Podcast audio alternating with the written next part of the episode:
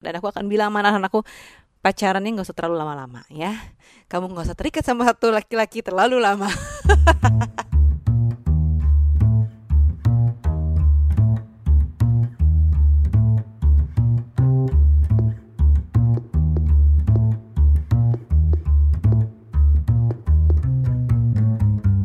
Hey, curhat babu balik lagi. Uh, aku kalau jumpy gitu keren gak sih? Kayak enggak kayak Peter McKinnon. What's up everybody? Kayak gitu nggak keren. kalau itu Peter McKinnon Itu Peter McKinnon. Kalau Ariel? Pratomo eh, gitu deh Gitu deh. Gitu deh. oke Apa? Eh ibu, Ya. um, lagi ngapain kamu? aku habis liat Instagram nih Ada siapa di Instagram? seru banget liatin anaknya Tompi suaranya bagus sekali Oh, dia baru bikin album ya, album barengan keluar pas para games kemarin. iya bagus banget suaranya Mm, anak kita juga bagus suaranya kok. iya iya iya Apa ya? Iya iya iya, aku berharap sih gitu karena waktu anak pertama tuh Aira, aku selama hamil berapa kali nonton konser. Aku bawaannya pengen banget nonton konser. Iya, Ya akibatnya dia suka sih nyanyi-nyanyi ya. Ah, Sampai ah. sekarang dia suka nyanyi-nyanyi. Bukan cuma nyanyi tapi ramenya itu loh. Rame nyanyi-nyanyi. Rame banget orangnya. joget-joget, Eh, eh, kayaknya itu lincah. faktor gue nonton konser beberapa kali deh berisik gitu Iya kali. sebenarnya faktor apa pun yang kamu rasakan dan kamu Iya. alami saat hamil Iya. dan anak kedua hasilnya anak kedua aku nggak terlalu nggak nggak nggak nafsu ngeliat konser males. le- lebih lebih malas-malesan di rumah lebih ya. bukan lebih ma- di rumah kerja aku cuman lebih lebih santai Kalem. banget lebih kalem Hmm. nggak yang pengen nonton konser Mm-mm. tapi terakhir-terakhir pas mau brojol itu bab aku pengen banget nonton si itu Brian McKnight Nah, kita nonton. eh, kan. akhirnya nonton nah itu satu-satunya konser yang kita tonton Udah- pas udah gitu hamil Shua dan konsernya Mellow gitu. Eh, eh, mellow banget. Jadi makanya Shua kayaknya kalem gara-gara itu kali ya bawaannya aku hamil nggak terlalu sejumpy waktu Aira. Tapi kita ngomongin kayak gini bukan berarti semua harus kayak direncanakan. Ah, Iya, biar anak gue enggak. kalem, gue kalem ah gitu. Eh, nggak ah, bisa. enggak, Biasanya nggak sih bisa. bawaan. Bawaannya Justru aja. dia yang bawa kayak gitu. Eh, eh, Bayinya. Heeh, bawaannya aja kayak gitu waktu Mm-mm. Aira tuh bawaannya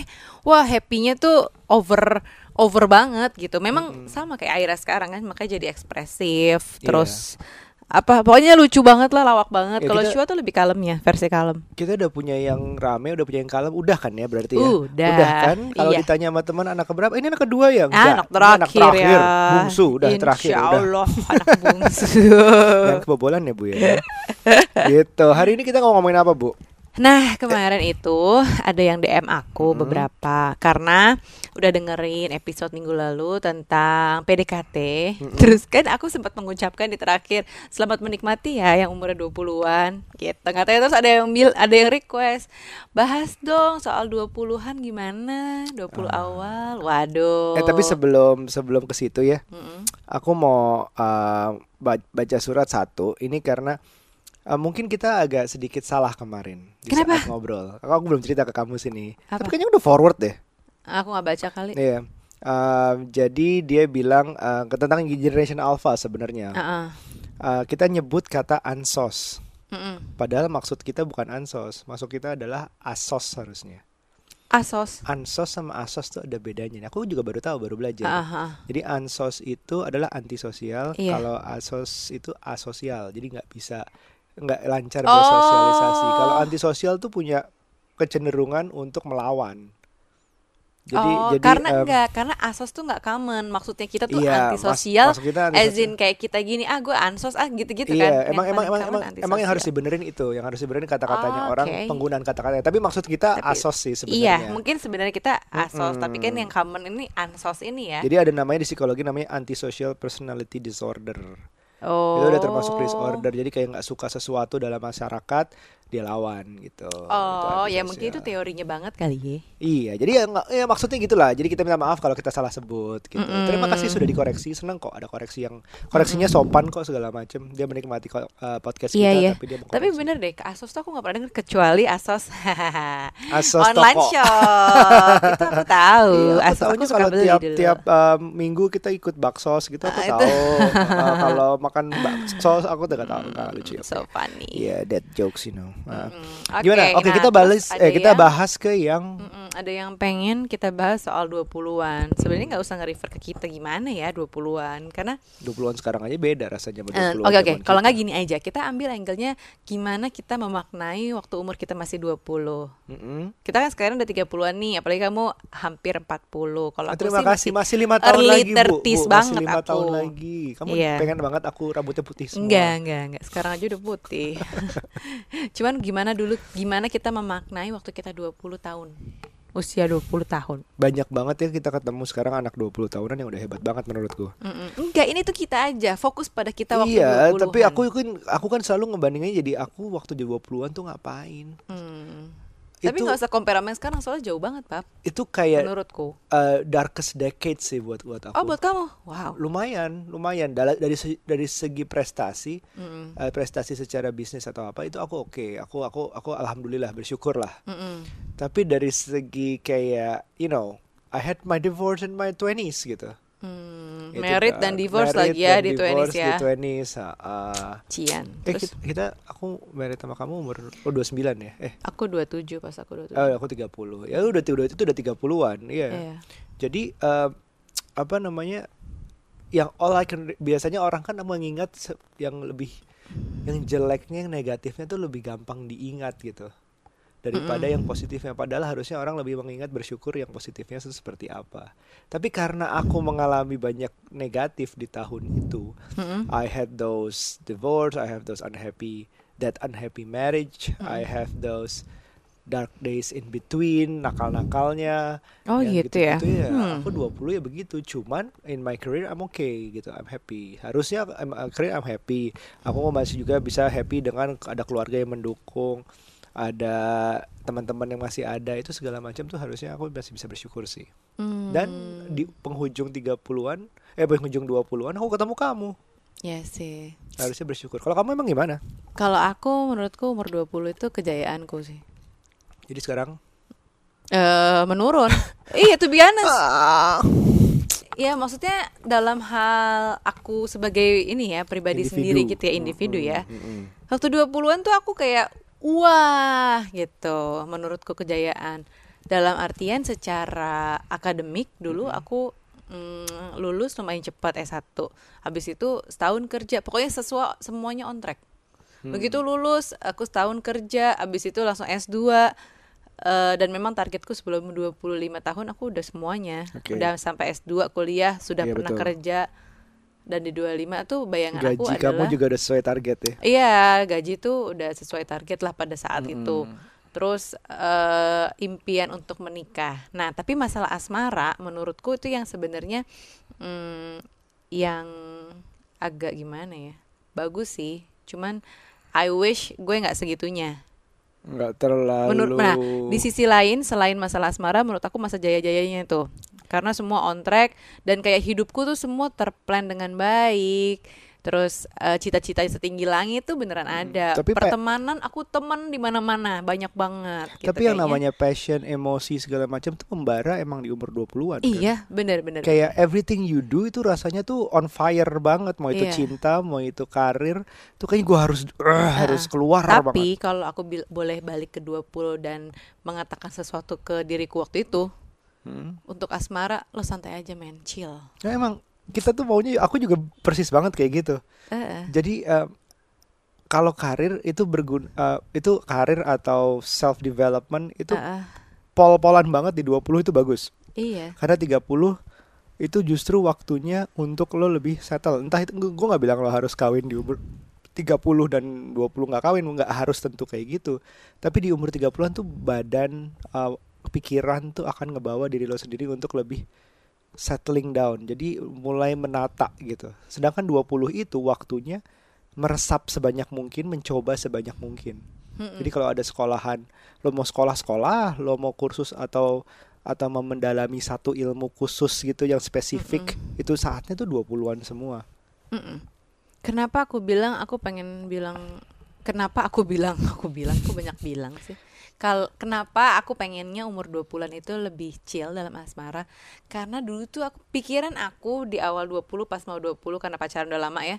Wah, gue 25 nih udah harus menikah. Tuh kayak udah mematoki diri sendiri gitu loh. Udah Hmm. oh, itu bikin agak nyesel. Eh, itu adalah hal yang aku bilang aku sedikit menyesal. Coba aku nggak kayak gitu. Hmm, tapi bukan berarti harus kawin 35 gitu bukan. Enggak, enggak, bukan Ah, begitu betul, juga. Cuman betul. mungkin karena di bayanganku, oh gue harus cepat menikah, gue harus nikah muda. Pokoknya sebelum 25 or at least 25 gue udah menikah. Kayak Hmm. gitu. Jadi pikiranku makanya semua tuh harus dicepetin. harus Kayak ah, sekolah harus ngerti. cepet, eh, kerja udah mulai cepet startnya, terus udah gitu S2 cepet gitu. Ngerti, ngerti. Nah, sementara gue tuh harusnya lebih menikmati, embrace the moment, embrace the masa jaya ya. Mm-mm, Karena sekarang gue udah tahu ya umur 30 kayak gini. Iya, betul. Jadi I wish 20 itu adalah saat yang mm, 20 early 20 tuh lebih baik. Gak memikirkan selalu cinta-cinta karena dulu emosi juga membara. Emosi Ezin membara tuh kayak emosi marah-marah tinggi banget. Abis itu mellow banget turun. Abis Hmm. Iya. itu naik lagi kayak gitu loh. Pokoknya pokoknya dalam level ekstrim lah, extremely sad, Posesif extremely happy pacar, gitu segala kayak macam. gitu. Jadi kayaknya kok ini membatas pas gue pikir-pikir sekarang ya. Kalau udah pakai eh, apa namanya kacamata besar gitu. Kok kenapa dulu gue membatasi ya untuk banyak bermain sama teman-teman. Hanya perkara misalnya si pacar gue nggak suka kalau gue mainnya ada si ini. Kayak gitu. Iya, padahal kamu tuh sama temen itu belum tentu ada uh, romantically involved atau Iya. niat sexually attracted gitu juga Mm, belum tentu. Belum tentu, cuma senang main aja. Padahal temen itu di 20-an itu bisa sa- berguna juga di 30-an gitu. Karena nih ya dari sisi pertemanan aja dulu waktu early 20 gitu ya atau 25-an masih gengnya tuh banyak banget menurutku.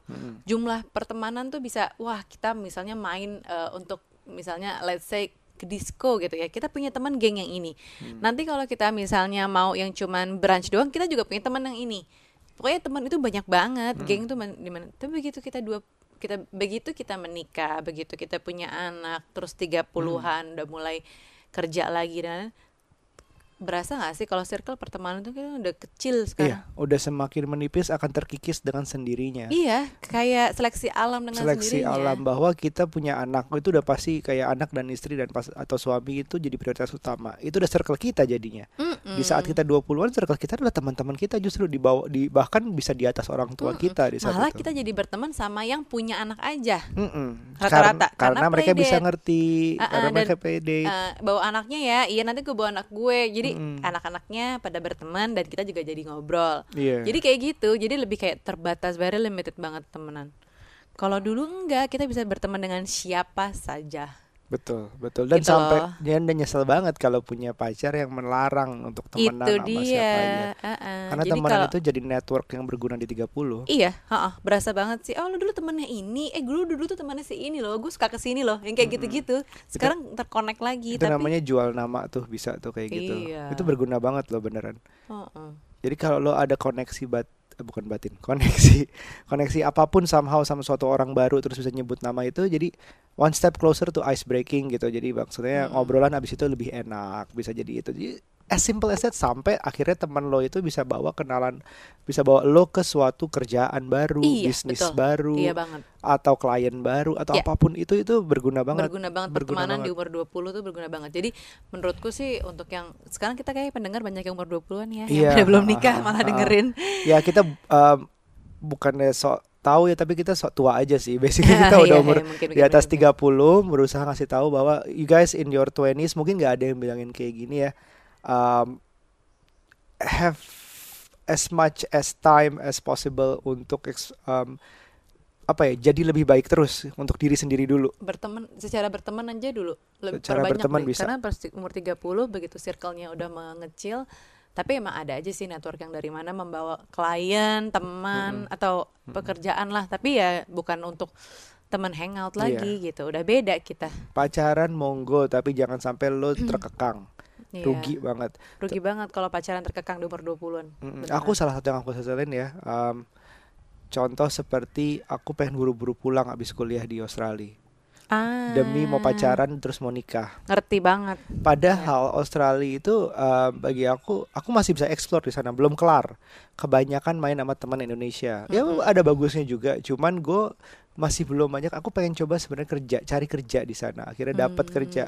Mungkin ujungnya pulang juga. I don't know. Tapi um, ada harus ada pengalaman berharga itu cari kerja dapat kerja berhenti kerja atau dipecat atau apa Nah itu kan itu yang membatasi. experience banget Jadi punya pacar tuh kayak membatasi gitu ya. iya padahal mungkin dianya pun nggak minta gue pulang cuman Cuman ada perasaan, gue pengen ketemu pacar iya gue. pengen ketemu nih mahal nih long distance bla bla bla bla Iya. bla bla Iya, kalau nggak ada pacar bayangin I would have stayed there gitu ya mungkin nggak ketemu kamu sih. Ya, ya, ya, ya, ya, menyesali dalam artinya nggak pernah kayak sampai menggerutu terus akhirnya mencoba mengulangnya segalanya enggak. Cuman maksudnya selalu wondering aja Hmm. apa apa jadinya kalau aku di sana? Apakah aku jadi yang lebih sukses dari sekarang atau apa? Atau aku bertemu misalnya memang kalau kita jodoh bertemu kamu tiba-tiba bertemu aja sih. Cuman maksudnya ah, adalah penasaran gimana kalau misalnya gue tinggal di luar negeri gitu contohnya Hmm, ya ya ya. Terus kalau aku lebih grateful di 20 karena ini em, apa namanya, Bab? Mm-mm. Eh, udah sekolah lebih awal. Jadi udah S1 dan S2 selesai. lebih cepat. Tapi karena aku orangnya akademik banget kan pada Iya. saat itu. Jadi Hmm. menurutku bekerja akan lebih gampang kalau gue udah S2. Pikiranku ya mungkin salah ya. Cuman di pikiranku pada waktu itu kayak gitu. Jadi pengen buru-buru selesai S2 eh, dan udah kerja juga in Hmm. between. Jadi aku udah menikmati rasanya eh, sekolah sehingga sebelum nikah itu aku udah selesai semua tugas-tugas yang aku impikan gitu. Iya, soalnya menikah Soalnya menikah menikah dengan punya anak terus mau sambil sekolah menurut gue struggling banget itu karena aku nggak mau jadi PR baru sih buat aku. itu tuh pasti lumayan painful bagi waktunya, bagi konsentrasi. Apalagi nih aku ngebayangin aku sekarang punya anak dua mau sekolah lagi, hmm lumayan ya gitu. Iya, Nucha kayaknya. tuh sempat Stres lo banget. awal-awal menikah masih pengen ada yang namanya S3. Aku sih dalam Iya. hatiku, ya Allah mau ngapain sih Bu S3. Tapi dia pengen S3 gitu. Tapi terus, masih ku simpen tuh. terus akhirnya Ntar um, mungkin kalau anak-anak udah agak gedean dikit aku pengen tuh S3. boleh deh, boleh. S, dosenmu aja aku tinggalin. Eh enggak, karena aku ntar bisa balik lagi Oh, bisa kapan pun. balik lagi. Iya, iya, iya. Hmm, Sekarang aku lagi break dari dosen dulu guys. Tapi gitu sih kalau misalnya ya kalau orang tua kalian punya uang yang banyak misalnya manfaatkan untuk sekolah semahal mungkin. Biarin aja bodo amat gitu loh kasarnya. Asal orang tuanya mampu, lakuin aja di mana pun sebisa mungkin. Iya sih. Bukan nggak perlu mahal sih sebenarnya, tapi lebih ke arah yang sebagus mungkin sekolah terbaik yang bisa lo dapetin what your parents can afford. Lakuin aja, nggak usah pikirin terba ah bakal long distance sama pacar. Gue kalau bisa bilang sekarang ya, putusin gitu. nggak, iya. Iya sih. Serius, pentingin pentingin diri lo sendiri dulu gitu. Iya benar benar benar. Kal- kalau kalau duitnya nggak ada misalnya terbatas tapi explore sebanyak mungkin jangan sampai hal seperti pacaran itu ngekang lo gitu Mm-mm. lo bisa sekolah lo bisa kursus lo bisa ikut organisasi atau apa pun itu itu dijalanin lo bisa travel lo bisa apa gitu Mm-mm. itu sih jangan sampai kayak hal-hal kayak gitu tuh kayak apalagi um, ada yang ada yang email misalnya um, nih ya. Hal-hal- dia mau curhat pacaran 7 tahun dan sama pacarnya pacaran sejak kuliah pacaran sejak kuliah.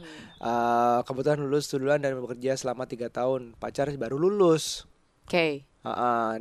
dia ap- akhir-akhir ini merasa capek dimotivated berada di dia eh, selalu berada di zona nyaman dianya. Sedangkan aku yang notabene sudah kerja dan kerja, kerja mayoritas dengan cowok-cowok yang melihat rekan kerja yang selalu semangat. Itu kayak bertolak belakang banget sama pacarnya.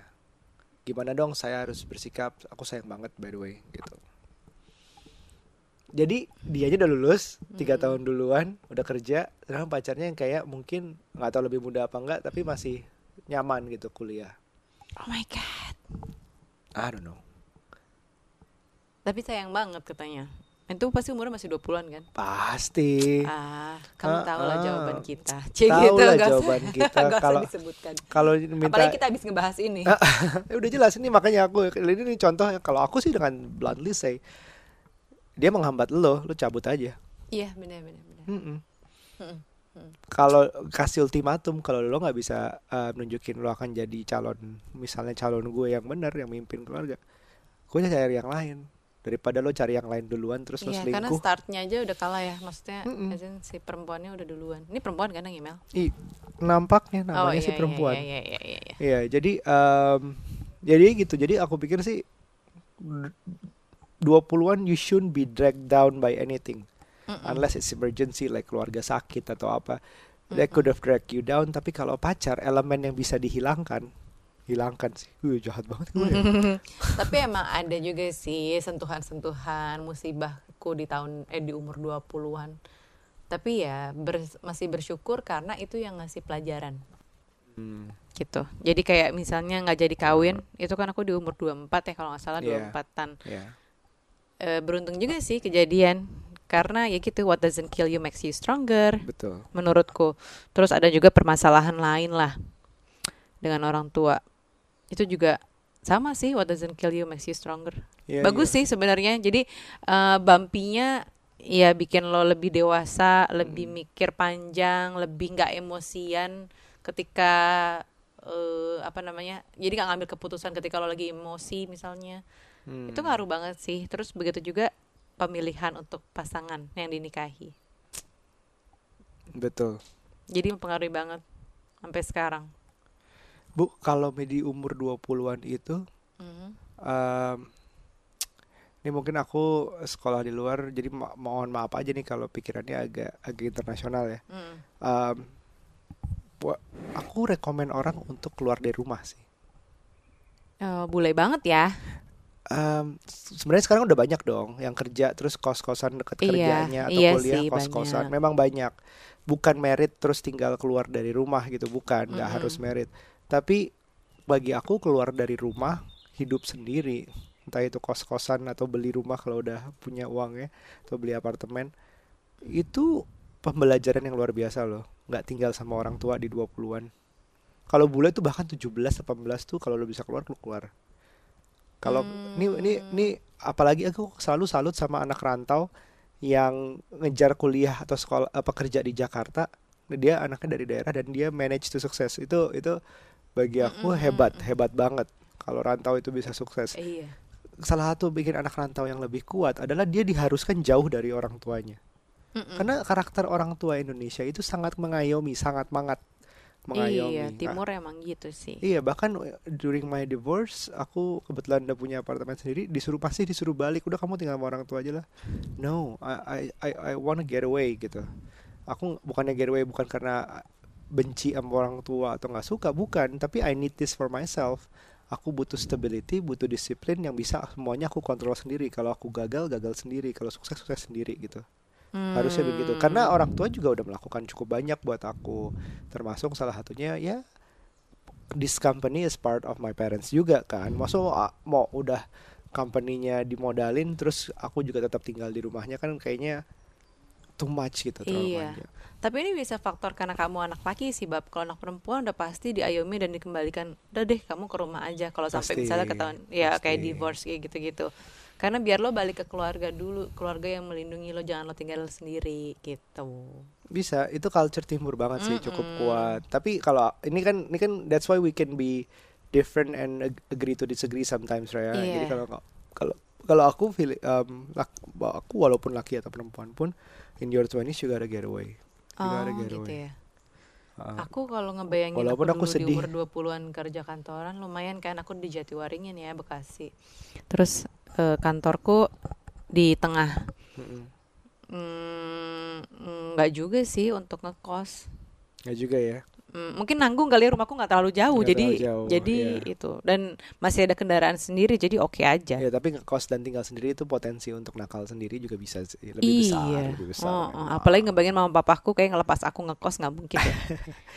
Oke, sih. untuk jalan tengahnya ah, kita sarankan untuk laki-laki at least.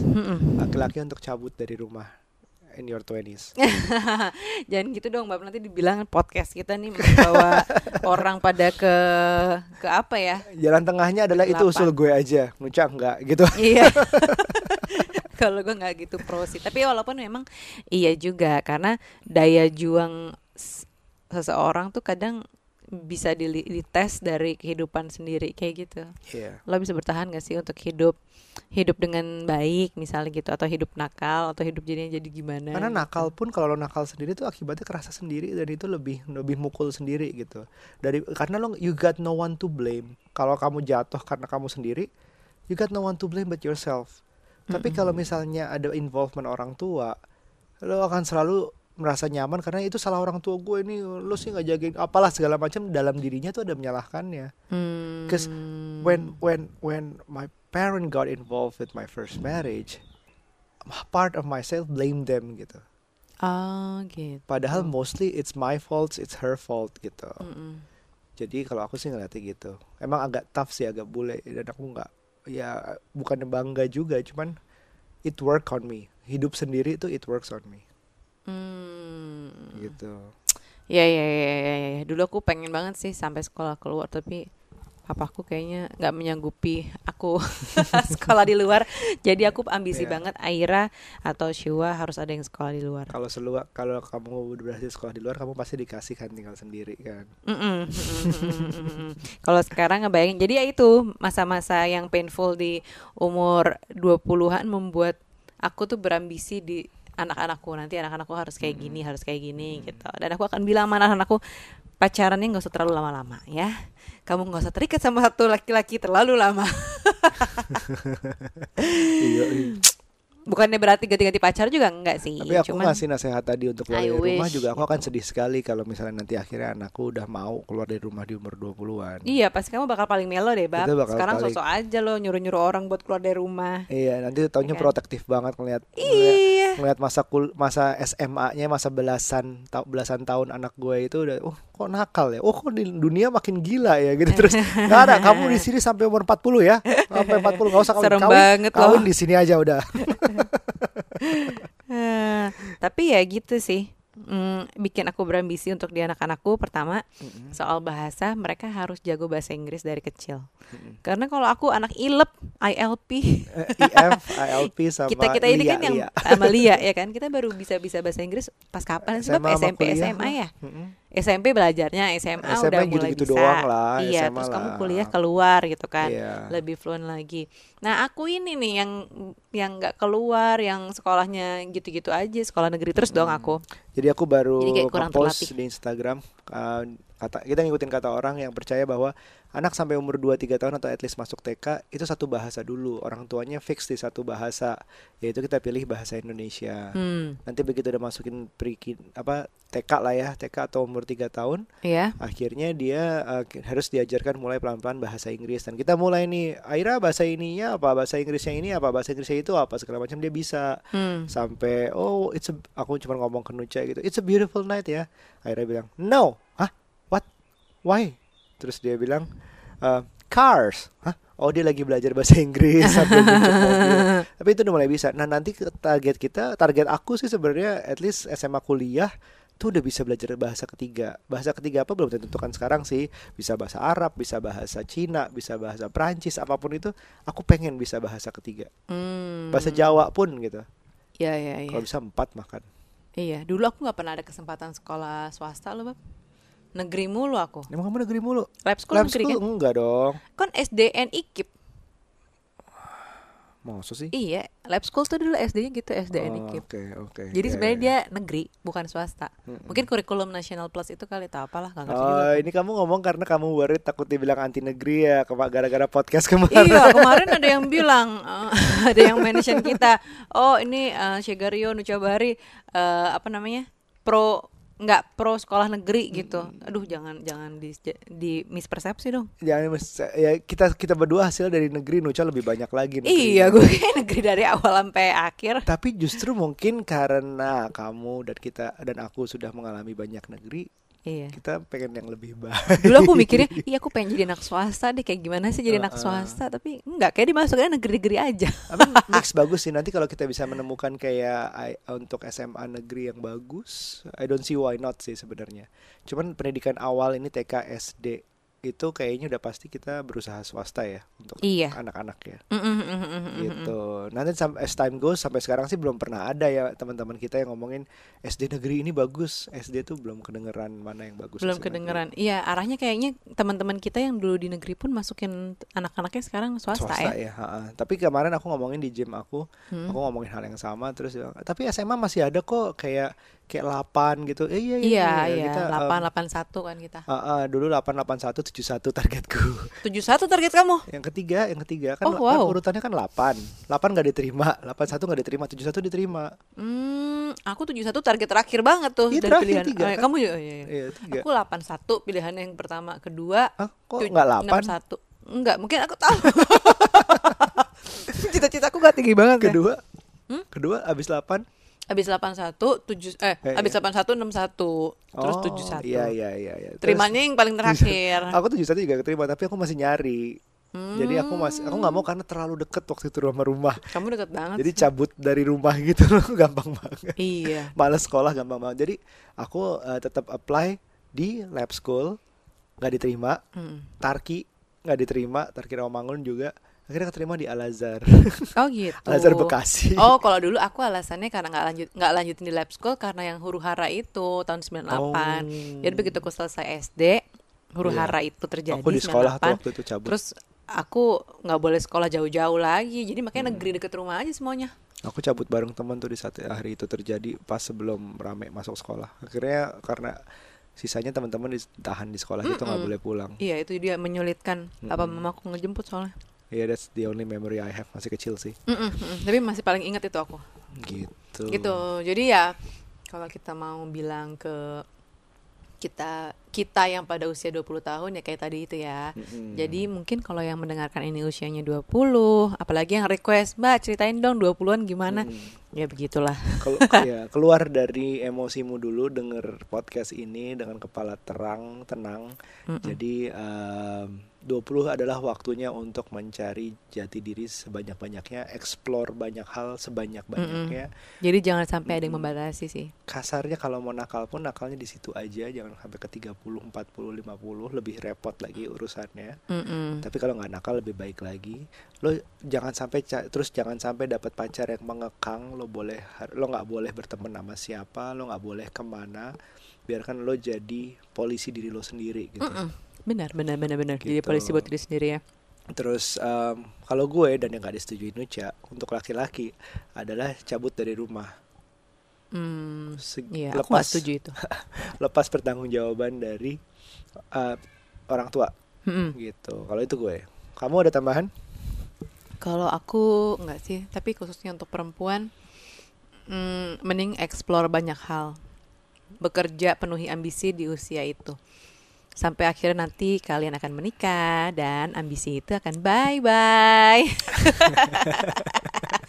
Bukan berarti nggak bisa sama sekali ya begitu cuman nikah. susah banget. Cuman akan eh, ya realita, ekspektasi dan realita akan jauh gitu. Jadi Iya. bukan yang nggak bisa sama sekali sih. Iya, komprominya akan lebih susah karena kompromi akan lebih 20-an susah. lah. Mm-mm. Dan nanti akan ada saatnya lagi sih sebenarnya begitu lo udah menikah, terus ngejar lagi tuh ambisi lo. Cuman ya tapi ini kayak aku udah enam tahun nikah kan, Hmm. Ada, mungkin ada, nanti ada. 10 tahun di nikah saat anak-anak nggak mau main sama kita lagi, udah seru sama temennya, Mm-mm. itu di saat orang tua explore kayak puber kedua, entah itu tiba-tiba olahraga terus, entah itu tiba-tiba party, entah itu tiba-tiba sekolah lagi. Iya. Nah itu di saat itu bisa. Tapi kan you don't wanna wait that long. Kalau lo Mm-mm. kalau lo masih di 20-an, go ahead, go have fun with yourself, go explore yourself, go be smarter and everything lah. Mm-mm.